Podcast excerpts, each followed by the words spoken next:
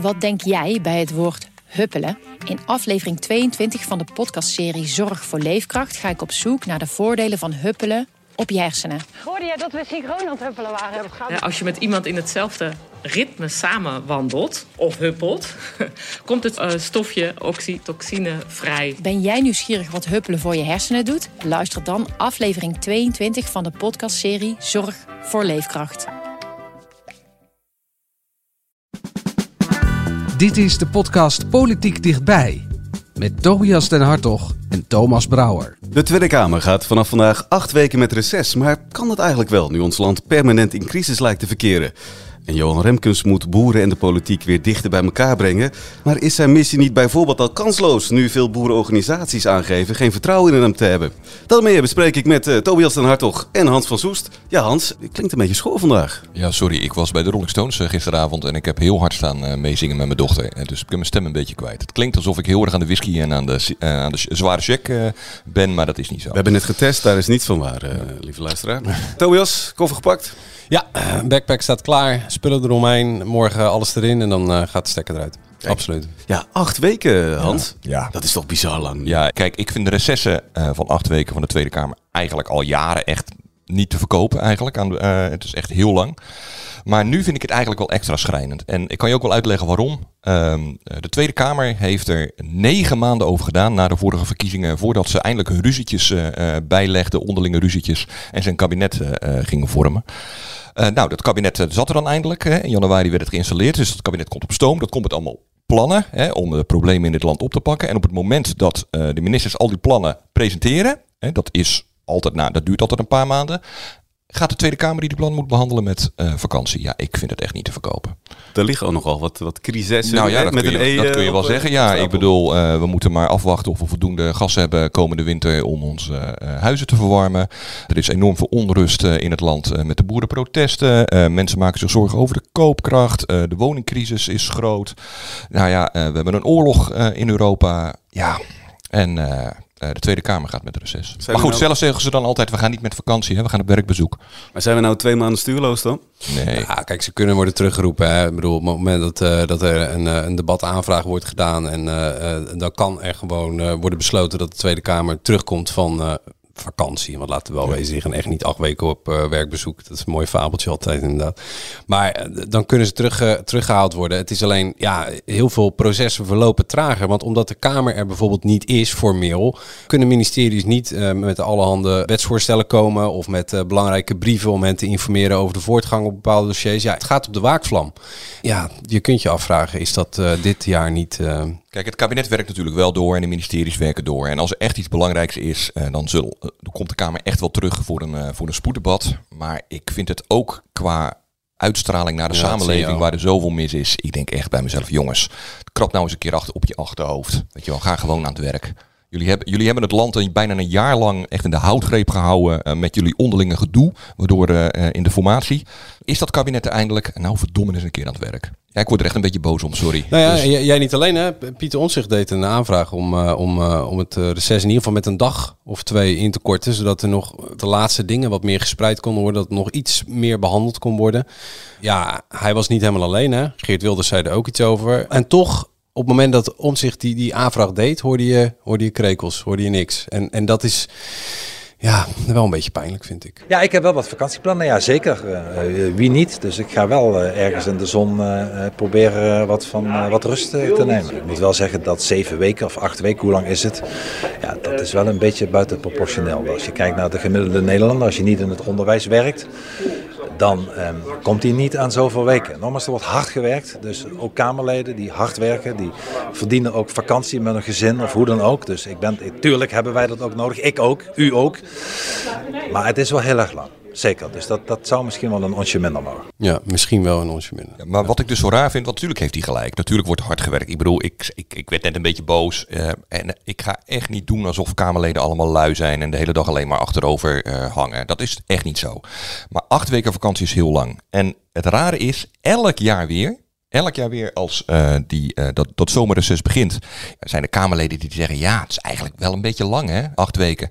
En ik werk al 25 jaar in Den Haag en dit hoor ik al 25 jaar. Het verandert nooit. Gaat de telefoon en de laptop gewoon weer mee in de backpack, uh, Tobias? Nee, laptop blijft wel echt thuis. Telefoon gaat mee, want dat is ook mijn privé-telefoon. Dat is niet anders. Maar ik, ik ben inderdaad wel eens... Kijk, soms dan... eh, er zijn wel eens vakanties geweest dat je weet... Oh, er komt nog iets belangrijks aan. En dan is de verleiding toch wel groot om in ieder geval die telefoon mee te nemen. Dat je nog een beetje bereikbaar bent. Ik heb ook wel eens mijn laptop meegenomen. En nog wel eens... Ik heb ook nog wel eens iets gedaan vanaf vakantieadres. Dat is een beetje eh, funest natuurlijk. Maar ja, ik ben ook wel eens gebeld. Dus had ik reed ik in de Pyreneeën. En werd ik gebeld door een Kamerlid met de beste bedoelingen. Maar die, die, die vertelde over een plannetje wat hij na de zomer ging voor. Ja, eh, eh, eh, ging, waar die mee ging komen. En toen heb ik wel gezegd, ja luister eens vriend, ik, ik rij hier in de Pyreneeën, alles goed en wel. Eh, leg, het op de, leg het in de koelkast, ik, eh, ik meld me over twee weken wel, weet je wel. Dus ja, het heeft wel schaduwkanten. Ja, dan lig je daar, daar op dat Zuid-Europese strand en dan heb je opeens een stikstofcrisis in je hoofd. In Heerenveen liep het deze week lelijk uit de hand. Daar zou door de politie zelfs gericht zijn geschoten. Ja, we hebben vannacht eh, denk ik allemaal de beelden gezien van eh, de politie die op boeren of op een boer heeft eh, geschoten. Iedereen is daar enorm van geschrokken. Ik wil graag een debat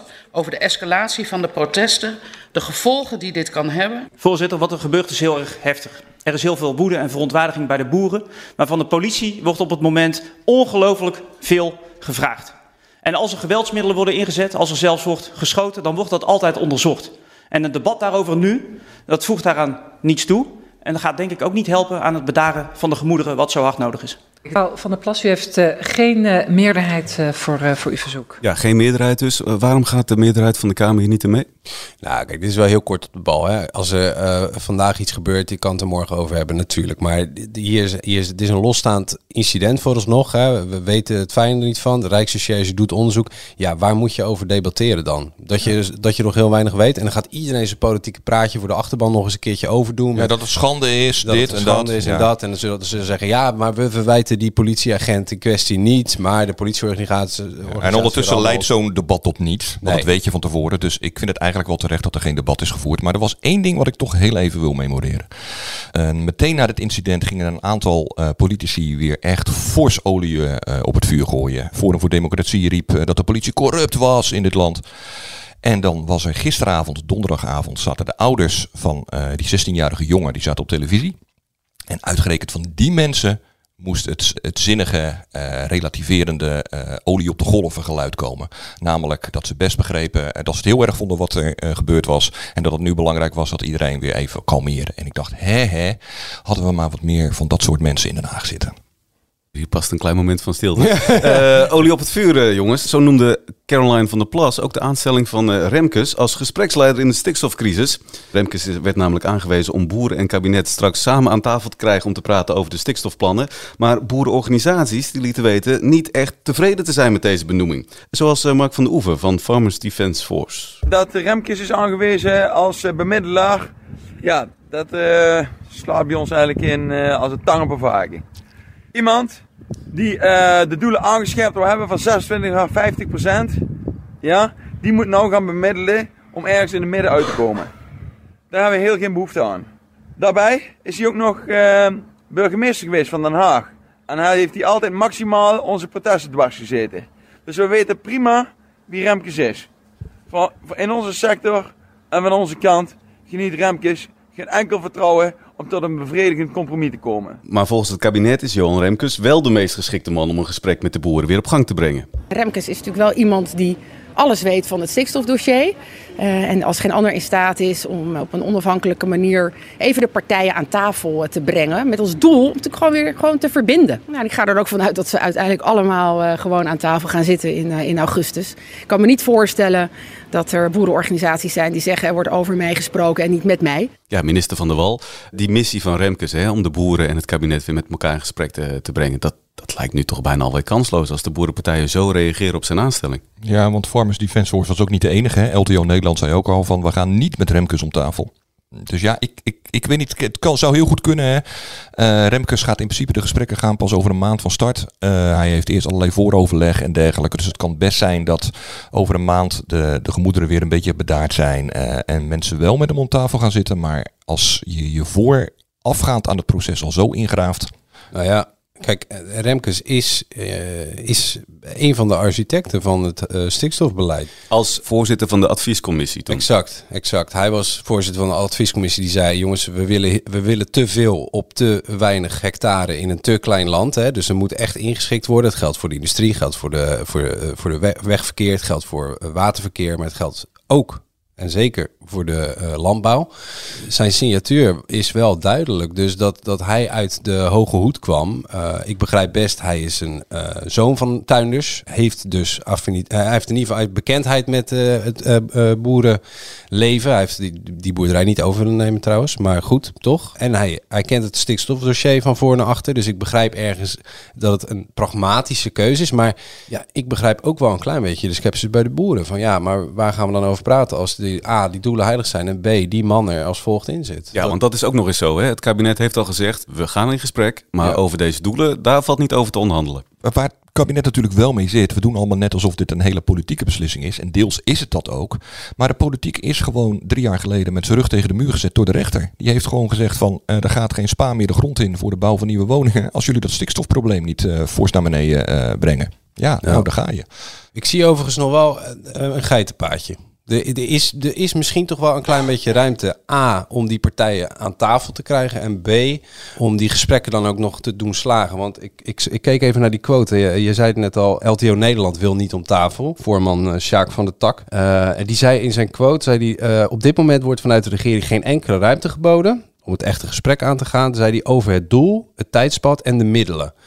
Uh, in het stikstofdossier. Nou, en dat is natuurlijk niet waar. Het doel is heilig, dat staat vast. Maar over tijdspad, wettelijk gezien, staat er, uh, is er geen zeg maar, einddatum voor het beleid dat het kabinet wil voeren. Er is aanvankelijk bijvoorbeeld gesproken over dat de, de, de stikstofreductie behaald zou moeten zijn in 2035. Maar dat is inmiddels 2030 geworden. Dus daar is blijkbaar, daar zit een verschuiving in. Dat is naar voren gehaald. Maar dat staat wettelijk gezien helemaal nergens vast.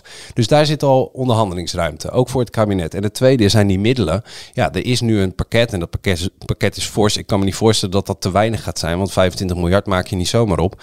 Maar ook over die middelen valt natuurlijk heus wel te praten als er geld tekort blijkt te zijn. Dus ik, ik kan me zo voorstellen dat Remkes eerste telefoontje is naar Sjaak van de Tak en zegt Sjaak, ik zie drie dingen en over twee daarvan valt te praten. Kom toch eens eventjes een bakje doen. Ja, en daar wordt het uh, inderdaad, uh, wat Tobias zegt, dat klopt. Uh, want ik zei net, hè, de politiek staat is, is, door de rechter met de rug tegen de muur gezet. Maar één ding is natuurlijk wel politiek en dat is dat tijdspad. 2030 is gewoon een afspraak gemaakt, uh, mede onder druk uh, overigens van D66 in het regeerakkoord, dat het in 2030 gehaald moet worden. En dat maakt het meteen wel weer tricky, want als je daarmee, als je zegt, daar kunnen we misschien nog wel over onderhandelen. Hè. Uh, in de Tweede Kamer hebben enkele oppositiepartijen, waaronder de SGP, ook gezegd, weet je wel, van wij zijn helemaal niet tegen die stikstofmaatregelen, maar moet het zo snel? De vraag is alleen, overleeft de coalitie dat?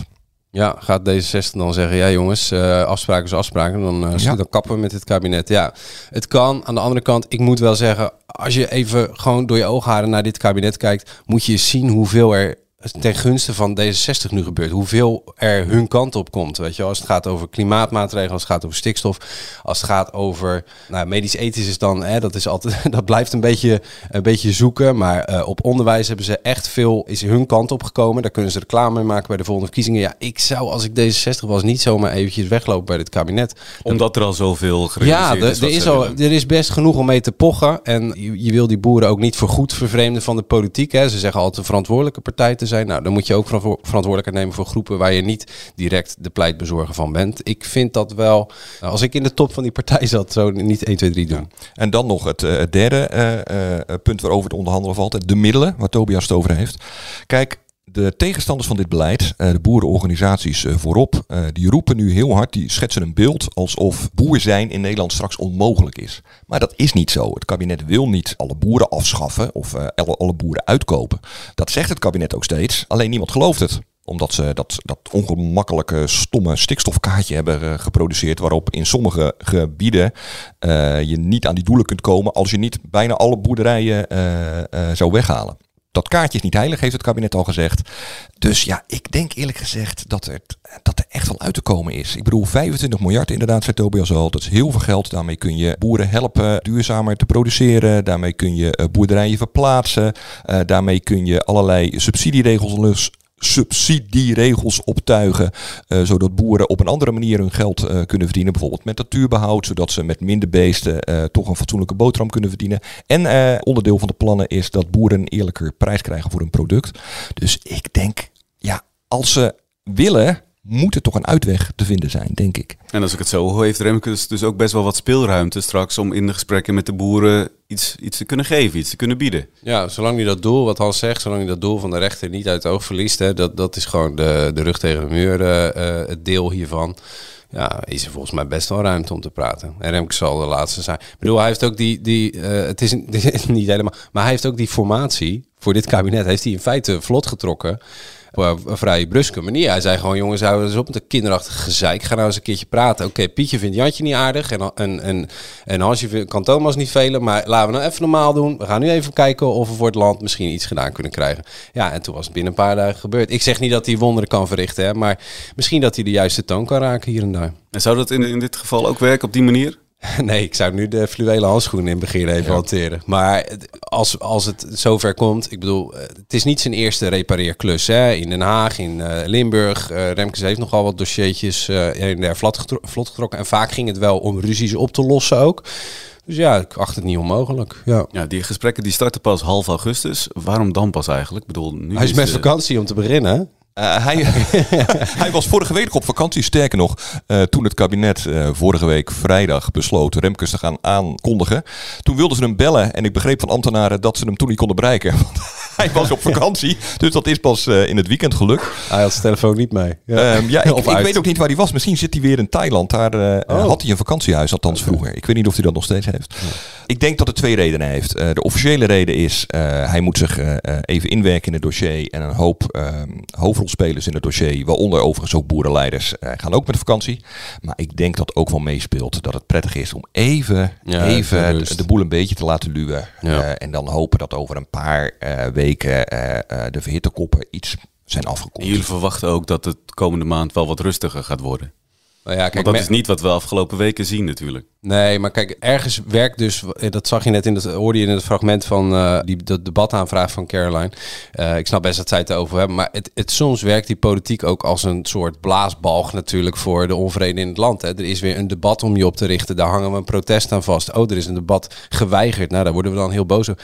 Dus die, die- en, en dat valt weg met dat reces. En dan is acht weken misschien ineens wel heel handig. Maar dat, dat, Zo had ik het nog niet bekeken, Tobias. Ja. Misschien moeten ze wel langer met reces. Misschien wel 16 weken. Ja. Nee, maar dan valt dat ook weg. Dus dan heb je wel, ja, dat bekoelt het wel enigszins. En mensen gaan ook gewoon met vakantie, wellicht eh, boeren zelfs. Dus eh, ja, dan komt er wel iets van koelte in het dossier. Overigens, er werd bezworen dat Remkes wel eerste keus was. Hè. Er gingen namen rond, Elbert Dijkgraaf, eh, Louise Fresco, begreep niet helemaal, maar goed.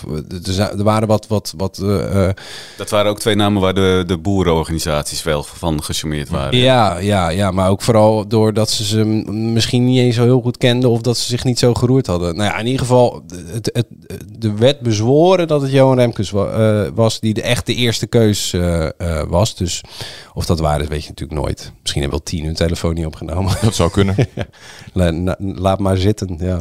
Ja, deze week werd er ook stevig gedebatteerd over de voorjaarsnota. Door de hoge inflatie en de energierekeningen bij veel Nederlanders wat minder te besteden. En veel oppositiepartijen vinden dat het kabinet meer moet doen om die koopkracht te repareren. Maar volgens premier Rutte is er alleen ruimte om iets te doen voor de laagste inkomens. Zitten we hier dus te kijken naar gewoon een, een onmachtige overheid. Die dus totaal geen oog heeft voor de noden in de samenleving. Die dus eigenlijk tegen de samenleving zegt: zak er maar in. Nee, voorzitter. Dat is een overheid die 800 euro geeft aan mensen met de laagste inkomens. Die per 1 januari de energiebelasting heeft verlaagd met 400 euro per huishouden. En we praten hier erover wat er misschien extra nodig zou kunnen zijn. Het is niet genoeg. In 2022 zult u en de hele Kamer, van uw eigen coalitie tot de hele oppositie, wilde dat u meer doet. En u steekt een dikke middelvinger naar Nederland op. We hebben het hier over 2,5 miljoen gezinnen die dit jaar niet rond kunnen komen. Ondanks alles wat het kabinet heeft gedaan. Ondanks dat. En dan is het onze taak om ervoor te zorgen dat die mensen krijgen wat ze nodig hebben. Maar daar ging Rutte uiteindelijk niet in mee. Het blijft beperkt tot 500 euro extra energietoeslag voor de allerlaagste inkomens. Ja, ja, en dat was zeg maar de, eh, het grote verzoeningsoffer wat het kabinet bracht in dit debat. hè. Overigens wel bovenop 800 euro die... eh, Ja, dus het wordt 1300 euro extra voor de energierekening voor de laagste eh, eh, gezinnen in Nederland om in 2022, hè, dit jaar, daar gaat het om, hun energierekening te kunnen betalen. Ja, kijk, dit debat was uitgesmeerd over, over verschillende weken. Het eerste deel hebben we een paar weken geleden gehad. Toen heeft het kabinet de opdracht gekregen van de Tweede Kamer. Jongens, kijk nou of je voor de middengroepen in Nederland, die het ook zwaar heeft onder de inflatie en eh, hoge energierekening, kijk nou of je voor die mensen dit jaar nog wat extra geld beschikbaar hebt. Hè, door belastingen te verlagen of een toeslag te verhogen.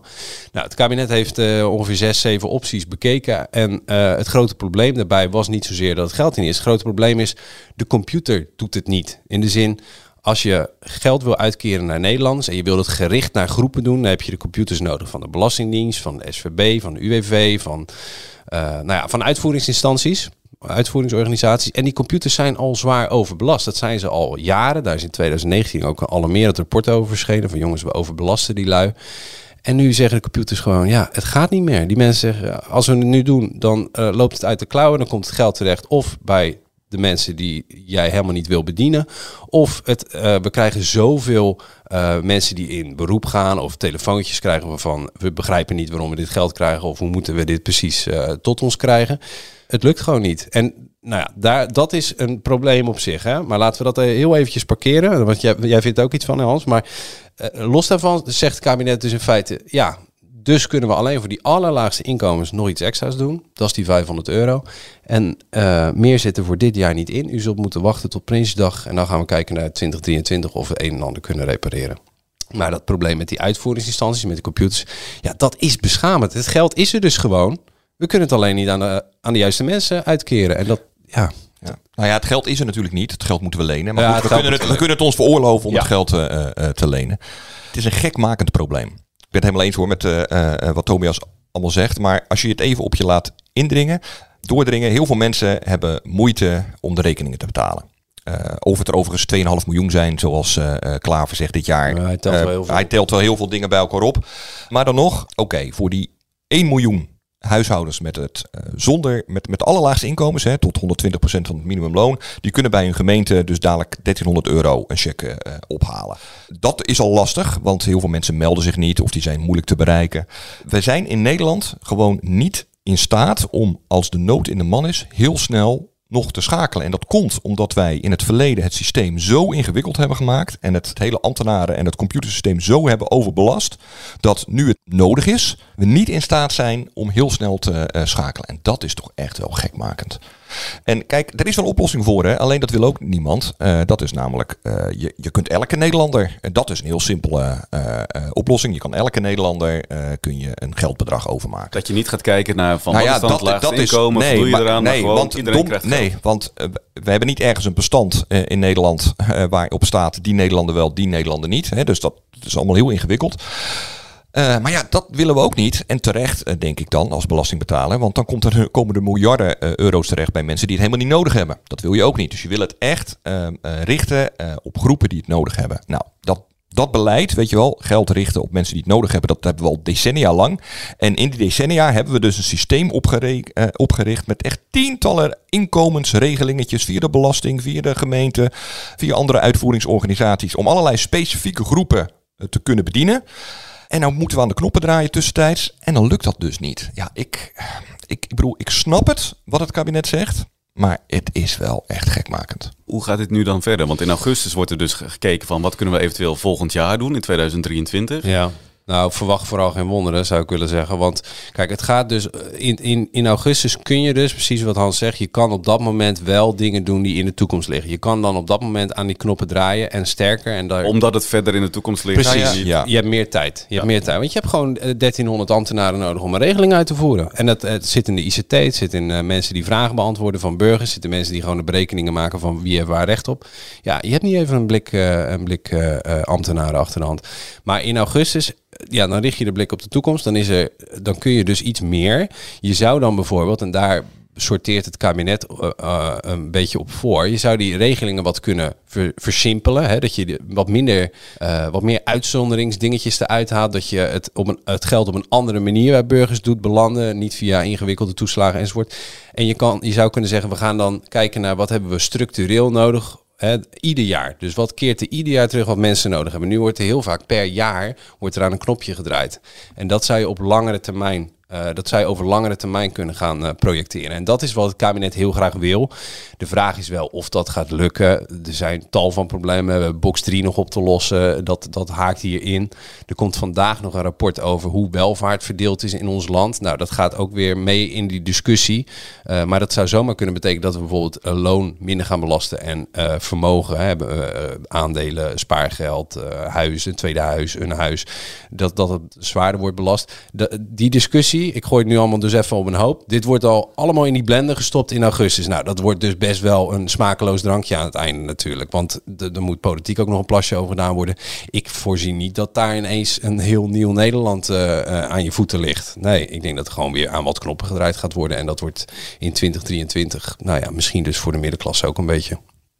Maar dat is mijn sombere voorspelling. Hè. Laat ze me alsjeblieft uh, ongelijk geven. Ik hoor al dat we het, het, nieuwe seizoen dadelijk beginnen in augustus met een hele positieve podcast. Ja. Dat, komt, uh, dat, komt, goed. Ja, het kabinet vond deze week een nieuwe locatie voor een tweede aanmeldcentrum voor asielzoekers. Daar gaan we het straks uh, uitgebreid over hebben. Nu eerst. Ik veracht uw woorden. Schaamt u zich eigenlijk niet? De bestuurscultuur, de nieuwe bestuurscultuur. Factionem cartellum. Doe eens normaal, man. Lekker zo normaal. De woorden zijn teruggenomen. Dat ik een bewuste uitspraak heb gedaan die ik heb gedaan. Ja, de meest opvallende uitspraak van deze week, Tobias. Bijna op vakantie. Dat was nog één weekje knallen. Ja, uh, nou, je hebt wel een parel, toch? Ja, ik vind het wel een leuke. Dat, kijk, uh, niks te nadelen van degene die je daar gaat horen. Want dit is dus een Haags fenomeen, de proefballon. Je, je lanceert een plannetje uh, waarvan het publiek denkt... nou, dat klinkt sympathiek, dat is aardig, dat gaan we doen. en dan blijkt al vrij snel of wat later dat dat plannetje niet kan... of helemaal niet werkt of wat dan ook. Maar je hebt dan wel die aandacht gegenereerd. Nou, Bob Koekstra deed zoiets in de campagne van 2021... toen die ja, eigenlijk zei van ja, er zijn profiteurs geweest van de coronacrisis, waaronder de supermarkten, en die zouden best wel wat winst kunnen afstaan uh, om andere bedrijven weer op de been te helpen. Er zijn gewoon takken van sport. Daar is uh, soms wel twee, drie, supermarkten. Vier, ja, supermarkten die ook dingen hebben verkocht. Uh, uh, producten hebben verkocht die nu helemaal niet typisch normaal gesproken bij de supermarkt gekocht werden. Maar ook andere takken van sport. Er is veel meer winst gemaakt. Mm -hmm. Dus ik vind het redelijk om na te denken over of je niet tijdelijk een soort van solidariteitsheffing van, van die bedrijven die dus heel goed geboerd hebben, juist in corona. Mm. Of je tijdelijk wat extra's kan vragen. Ja, tijdelijk iets extra's vragen. Dat is precies het punt ook. Ja, dat plannetje van hem in de campagne, daar was hij dus als CDA-leider heel erg enthousiast over. Toen kwam het uh, kabinet tot stand. Hij werd minister. En toen was Hoekstra in de Kamer ineens een stuk genuanceerder. Toen zei hij, nou ja, uh, ik vind dat wel een goed idee. Maar ik kan, niet ik kan niet zeggen dat we dat nu al gaan doen. En nee, het is niet in het regeerakkoord gekomen. Hè. Dus je zag dat, dat proefballonnetje al langzaam een klein beetje aan lucht verliezen. Toen zei hij, maar we gaan er ons als kabinet uh, over buigen. Nou, dat blijkt te zijn dat blijkt te zijn gebeurd. Een jaar na dato. door CDA-collega Marnix van Rij, staatssecretaris Financiën. En die zei deze week dit. U noemt de supermarkten. Nou, is gewoon geen goed voorstel, omdat je dan een bepaalde sector extra gaat belasten. Dan loop je gewoon keihard tegen staatssteun aan in uh, Brussel. Ja, keihard tegen de regeltjes uh, uit Brussel loop je dan aan. Het plannetje uh, ooit gelanceerd in 2021, dat kan dus gewoon niet. En er is een discussie gaande in de Tweede Kamer van moet je bijvoorbeeld energiebedrijven zwaarder belasten, want die pro profiteren van de hoge prijzen. Moet je supermarkten dus belasten uh, die, die uh, hebben geprofiteerd van de coronacrisis. En daar zijn ook wel in landen, in Italië, in Engeland, er zijn voorbeelden van, het heet dan bijvoorbeeld de windfall tax als het gaat om de energiebelasting. En er zijn ook tijdelijke belastingen op bepaalde sectoren die wel mogen van, uh, van Brussel. Maar de, de, de wijze waarop wij belasting heffen in Nederland leent zich gewoon niet zo heel erg goed voor zo'n hele gerichte maatregel maatregels uh, legde Van Rij ook deze week uit. En ja, daarmee is het plannetje eigenlijk dood. En dit gebeurt dus vaker in Den Haag. Hè. Er wordt een proefballon opgelaten en meestal is die binnen een dag lek geprikt. En ik vond het grappig om te zien dat dit ballonnetje is dus een jaar lang heel langzaam leeggelopen. En nu wel echt. Nu is ja, er wel echt. De supermarkten kunnen gewoon rustig ademhalen.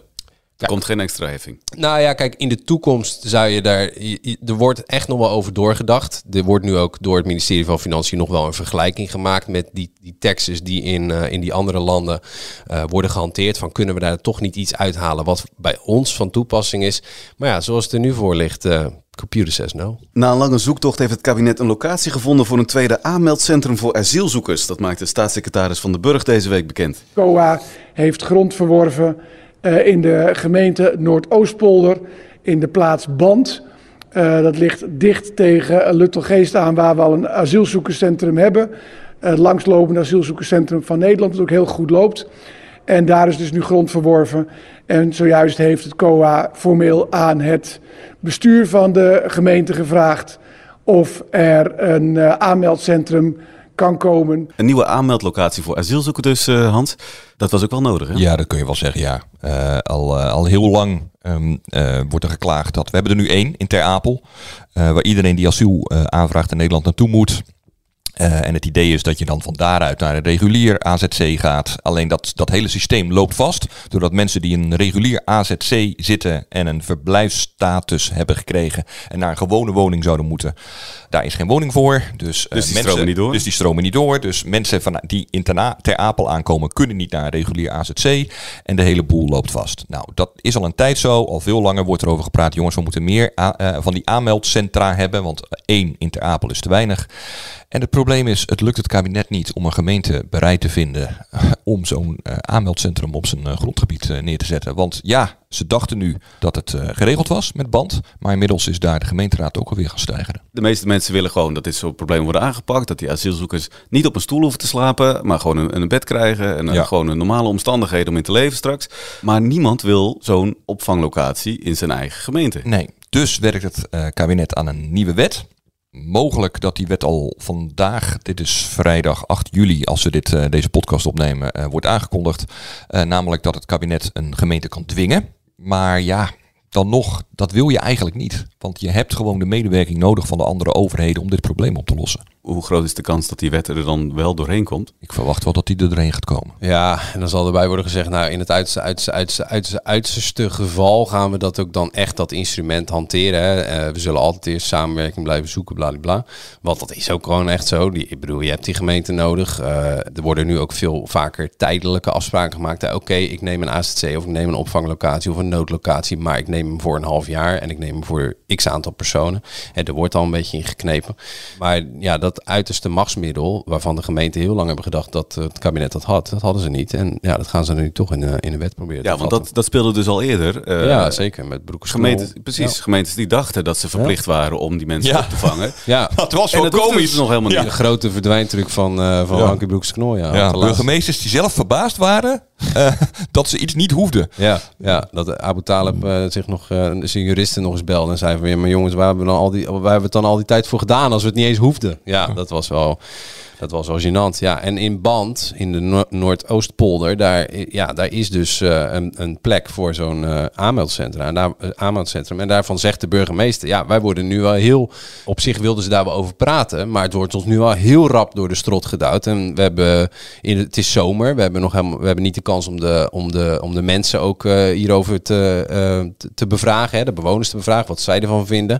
Dus het wordt nu wel heel rap door, die, door, door, door de strot geduwd voor hun gevoel. En uh, ja, de, de, de locatie is ook wel een opmerkelijke keuze. De, de, ja, dat kun je wel zeggen. Kijk, die, die uh, hele boerenprotesten, die, die, die worden al wekenlang gevoed met een wat, wat, wat, wat giftige uh, onderboodschap. Namelijk, wij boeren, wij worden, ons land wordt afgepakt omdat zij daar allemaal buitenlanders willen neerzetten. Uh, um, uh, Zij is dan het kabinet. Het kabinet, de linkse elite, uh, noem maar op. Dat is natuurlijk niet zo. Uh, tegelijkertijd, als dan het eerste plek waarmee het kabinet komt om, een nieuw aanmeldcentrum neer te zetten, notabene een, een opgekochte uh, boerderij is, dan denk ik wel, jeetje meneertje. Is nou echt niemand op die ministeries die heel even één seconde langer nadenkt? Er zijn toch voldoende andere plekken te vinden nu uh, waar dit zou kunnen. Lege kantoorgebouwen, lege ministeries, andere overheidsdingen. Even iets creatiever. Ja. Het is dus nog niet zeker dat die opvanglocatie er ook echt komt. Ja, nou, dit wordt wel een discussie. Kijk, het KAVO is, is aangekocht volgens mij. Uh, maar er is nog geen plan, er is geen tekening voor het centrum. Naast dat waar het centrum moet komen, is al een AZC met uh, duizend vluchtelingen en nog twee locaties met 300 uh, arbeidsmigranten. Heeft band ook. Dus er is al behoorlijk wat gestald daar, zullen we maar zeggen. Kijk, die burgemeester gaat nu als de wie weer gaan met van de burger in conclaaf. Met ja, hoe ga ik dit, hoe gaan we de burgers bevragen of zij dit willen? Gaan er bezwaarmakers komen? Eh, dat, dat, dat hele proces wat normaal gesproken wat langgerekter is, dat gaat nu, eh, en dat is al niet zo heel langgerekt hoor, als het gaat om asielopvang. Want het is al eigenlijk sinds de Syrië-crisis paniekvoetbal de hele tijd door. Er komt maar geen structurele oplossing. En ik snap best dat die niet voorhanden is, maar daardoor krijg je wel die situatie. Dat gaat gewoon in de snelkookpan, die discussie. En ja, ik denk dat er ergens eind van de zomer dat de band eh, er, er wel uit moet zijn, zeg maar. En dan zijn we er nog niet, hè? Want het kabinet heeft al gezegd, ja, we hebben nog wel twee van dit soort plekken nodig. Ja, Dus ja. nee, de- we, krijgen die weekberichten over hoeveel eh, mensen zich hebben gemeld. En dat gaat, dat gaat, eh, is heel lang zo, is dat eh, 300, 400, in, per week hebben we het dan over, hè, 300, 400. En het is nu al een aantal weken 900.000, 1100, 900.000. Eh, dat zijn gewoon aantallen eh, bovenop de opvang van Oekraïners die we eigenlijk niet kunnen verstouwen. Of je nou links bent of rechts, of je nou vindt dat ze welkom zijn of niet, we kunnen het praktisch gezien, zoals het nu, we het nu georganiseerd hebben, kunnen we dat niet aan. Dus dat gaat blijven piepen en kraken zolang er geen structurele oplossing komt. En er is wel in het debat, volgens mij twee weken geleden, iets verschoven. In die zin dat eh, eh, staatssecretaris van de, van de Burg echt met tegenzin, hè, met bijna weerzin in zijn stem, maar eh, echt met tegenzin. En dan hebben we het toch over VVD. Maar hij zei iets wat, waar, waar de VVD nooit aan wilde. En dat was om te kijken of er toch een, eh, gewoon een stop moet. Dus gewoon niemand meer toelaten. En dat, is, a- dat staat haaks op verdragen. Dat staat haaks op de afspraken die we hebben gemaakt eh, met landen in Europa. Want wij hebben steeds Hongarije en andere landen erop aangesproken van jongens, jullie moeten je deel dragen. Maar ja, nu is de VVD toch zover. En hij zei het met tegenzin, weliswaar. Maar hij zei het wel. We gaan kijken of dat tot de opties behoort en hoe dan. Ja. Sterker nog, ehm, eh, dit is iets waar eh, bijvoorbeeld het CDA al langer voor pleit. Hè. Jongens, dat, dat, dat mensenrechtenverdrag, Ja. wat wij eh, als Nederland en overigens de rest van Europa hebben ondertekend en bijna de rest van de wereld niet, verplicht ons tot opname van asielzoekers uit de hele wereld. En op een gegeven moment, we kunnen het niet meer aan. Moeten we niet eens van het vluchtelingenverdrag af? Dat toen eh, voormalig CDA-leider Sibrand Buma dat ooit opperde, eh, kreeg hij heel veel hoon eh, over zich heen. Maar je ziet het, het idee wel bij steeds meer partijen postvatten van ja, we zijn nu juridisch verplicht om heel veel mensen op te vangen. En in ieder geval allemaal te beoordelen. En, en dat lukt ons niet. Nee, en vooral bij dat beoordelen. Op het moment dat je. Het is niet zo dat we heel de wereld hoeven op te vangen. Maar het is wel zo dat we heel de wereld moeten beoordelen. En op het moment dat we hebben gezegd. Ja, maar deze vluchtelingen hebben geen recht op asiel. Die moeten terug. Dan lukt het ons gewoon niet goed. En dat gaat al jaren zo. Het lukt ons gewoon niet goed om die mensen dan weer thuis te krijgen. Om ze het land uit te krijgen. En dus blijft dat, blijft blijft dat systeem verstopt zitten. En eh, ja, bedien je eigenlijk niemand. Hè? Want je vangt niet de mensen op die je op wil vangen. En je krijgt niet de mensen weg die je hier niet wil hebben. Dus in feite bedient dit kabinet en het vorige kabinet helemaal niemand. Welke politieke kleur je ook eh, bent. Het is natuurlijk wel zo, als je echt dat, dat besluit van wij stappen uit dat eh, verdrag, wij gaan dat niet meer doen, dan... Ja, dan, Ja, maar dat zal niet zo snel gebeuren, eh Nee, voorspelletje. maar- Kijk, in het regeerakkoord is wel iets afgesproken hoor. Of dat we eh, nog eens gaan kijken naar of eh, internationale... Daar stond overigens niet zozeer dit verdrag met naam genoemd, maar wel internationale verdragen. Weet je wel, moeten we daar niet eens naar kijken of die af en toe niet eens eh, in de weg zitten. Eh, dat was een soort bezweringsformule, denk ik. eh, eh, want ik kan me niet voorstellen dat eh, een aantal partijen in dit kabinet eh, daarmee. eh, Nee, ik denk dat genoegen zullen D66 nemen. en, en ChristenUnie gaan hun handtekening Direct, niet. die zijn, die zijn dan pleiten. Maar je, kan, je zou wel kunnen. Kijk, ergens gaat het schuren. Als je alleen al demografisch kijkt, in, in welke mate onze bevolking toeneemt. Op een gegeven moment, het, het is wat Remkes op stikstof zei, maar op een gegeven moment is het ook. het- ik zeg niet dat het land vol is, maar het, wordt- het wordt krap, zeg maar. Hè? Dus je hebt dan alleen al die discussie. En daarover, da- daar zijn ook mensen met een linkse signatuur het op zich niet mee oneens. Dus je, je zal ja, toch moeten kijken van loopt dat ook niet ergens tegen de grenzen aan van eh, ons Nederlands recht, bijvoorbeeld om goed voor mensen te zorgen. Je kan mensen, ook vluchtelingen, als je ze geen veilig heenkomen als je eh, kan bieden, als je ze laat slapen op de stoep bij Ter Apel, voldoe je ook niet aan de internationale verplichting dat je mensen een veilig, eh, veilige tijdelijke Sterker nog, plek eh, vluchtelingenwerk zegt al, jongens, als jullie dit niet oplossen, dan dwingen we het af bij de rechter. Die zeggen zelfs, het moet voor augustus, want anders dan eh, gaan we inderdaad eh Ja, spannen we nou, ja. Fijne wedstrijd. Ja, en Van den Burg zei ook van ja, eh, eh, eh, luister, eh, want, want wij financieren volgens mij vluchtelingenwerk en wij als belastingbetaler ook nog deels. Hè, dus dan betaal je eigen rechtszaak tegen jezelf. Maar Van den Burg zei, jongens, een beetje begrip. Ik, sta, ik kan ook niet, ik, ik weet ook niet wat ik meer moet doen. Er zijn geen huizen. Ik kan ze niet uit die AZC zetten. Ergens loopt het vast. Ja, dat wordt, een, eh, dat wordt wel een botsing op die manier. Lekker somber dit allemaal. Hè? We zijn denk ik allemaal toe aan vakantie.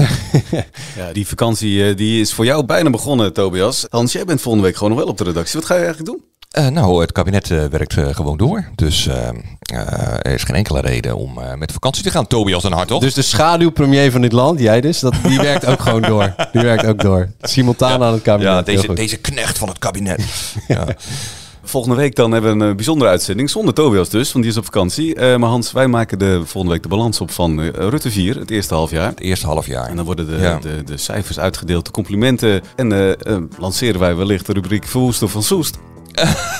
Ehm, nou, die, heeft dan één aflevering, die rubriek waarschijnlijk. Want daarna gaat deze podcast ook het reces, toch? Ja, dan zijn we er een, een tijdje uit. Maar eh, we komen uiteraard eh, weer gewoon terug. Eh, Tobias, volgende week rond deze luisteren. tijd. Wat, wat doe jij dan? Ja, dan sta ik op een berg ergens in Italië. Ja, ja. maar ik ga wel luisteren hoor, s'avonds denk ik. Ja. Ja, vast. Tot zover deze aflevering van Politiek erbij. Vind je dit nou een leuke podcast? Abonneer je dan vooral. Dat kan via Spotify of Apple Podcast. En volgende week dan zijn we dus weer voor de, voor de laatste van dit seizoen. Tot dan.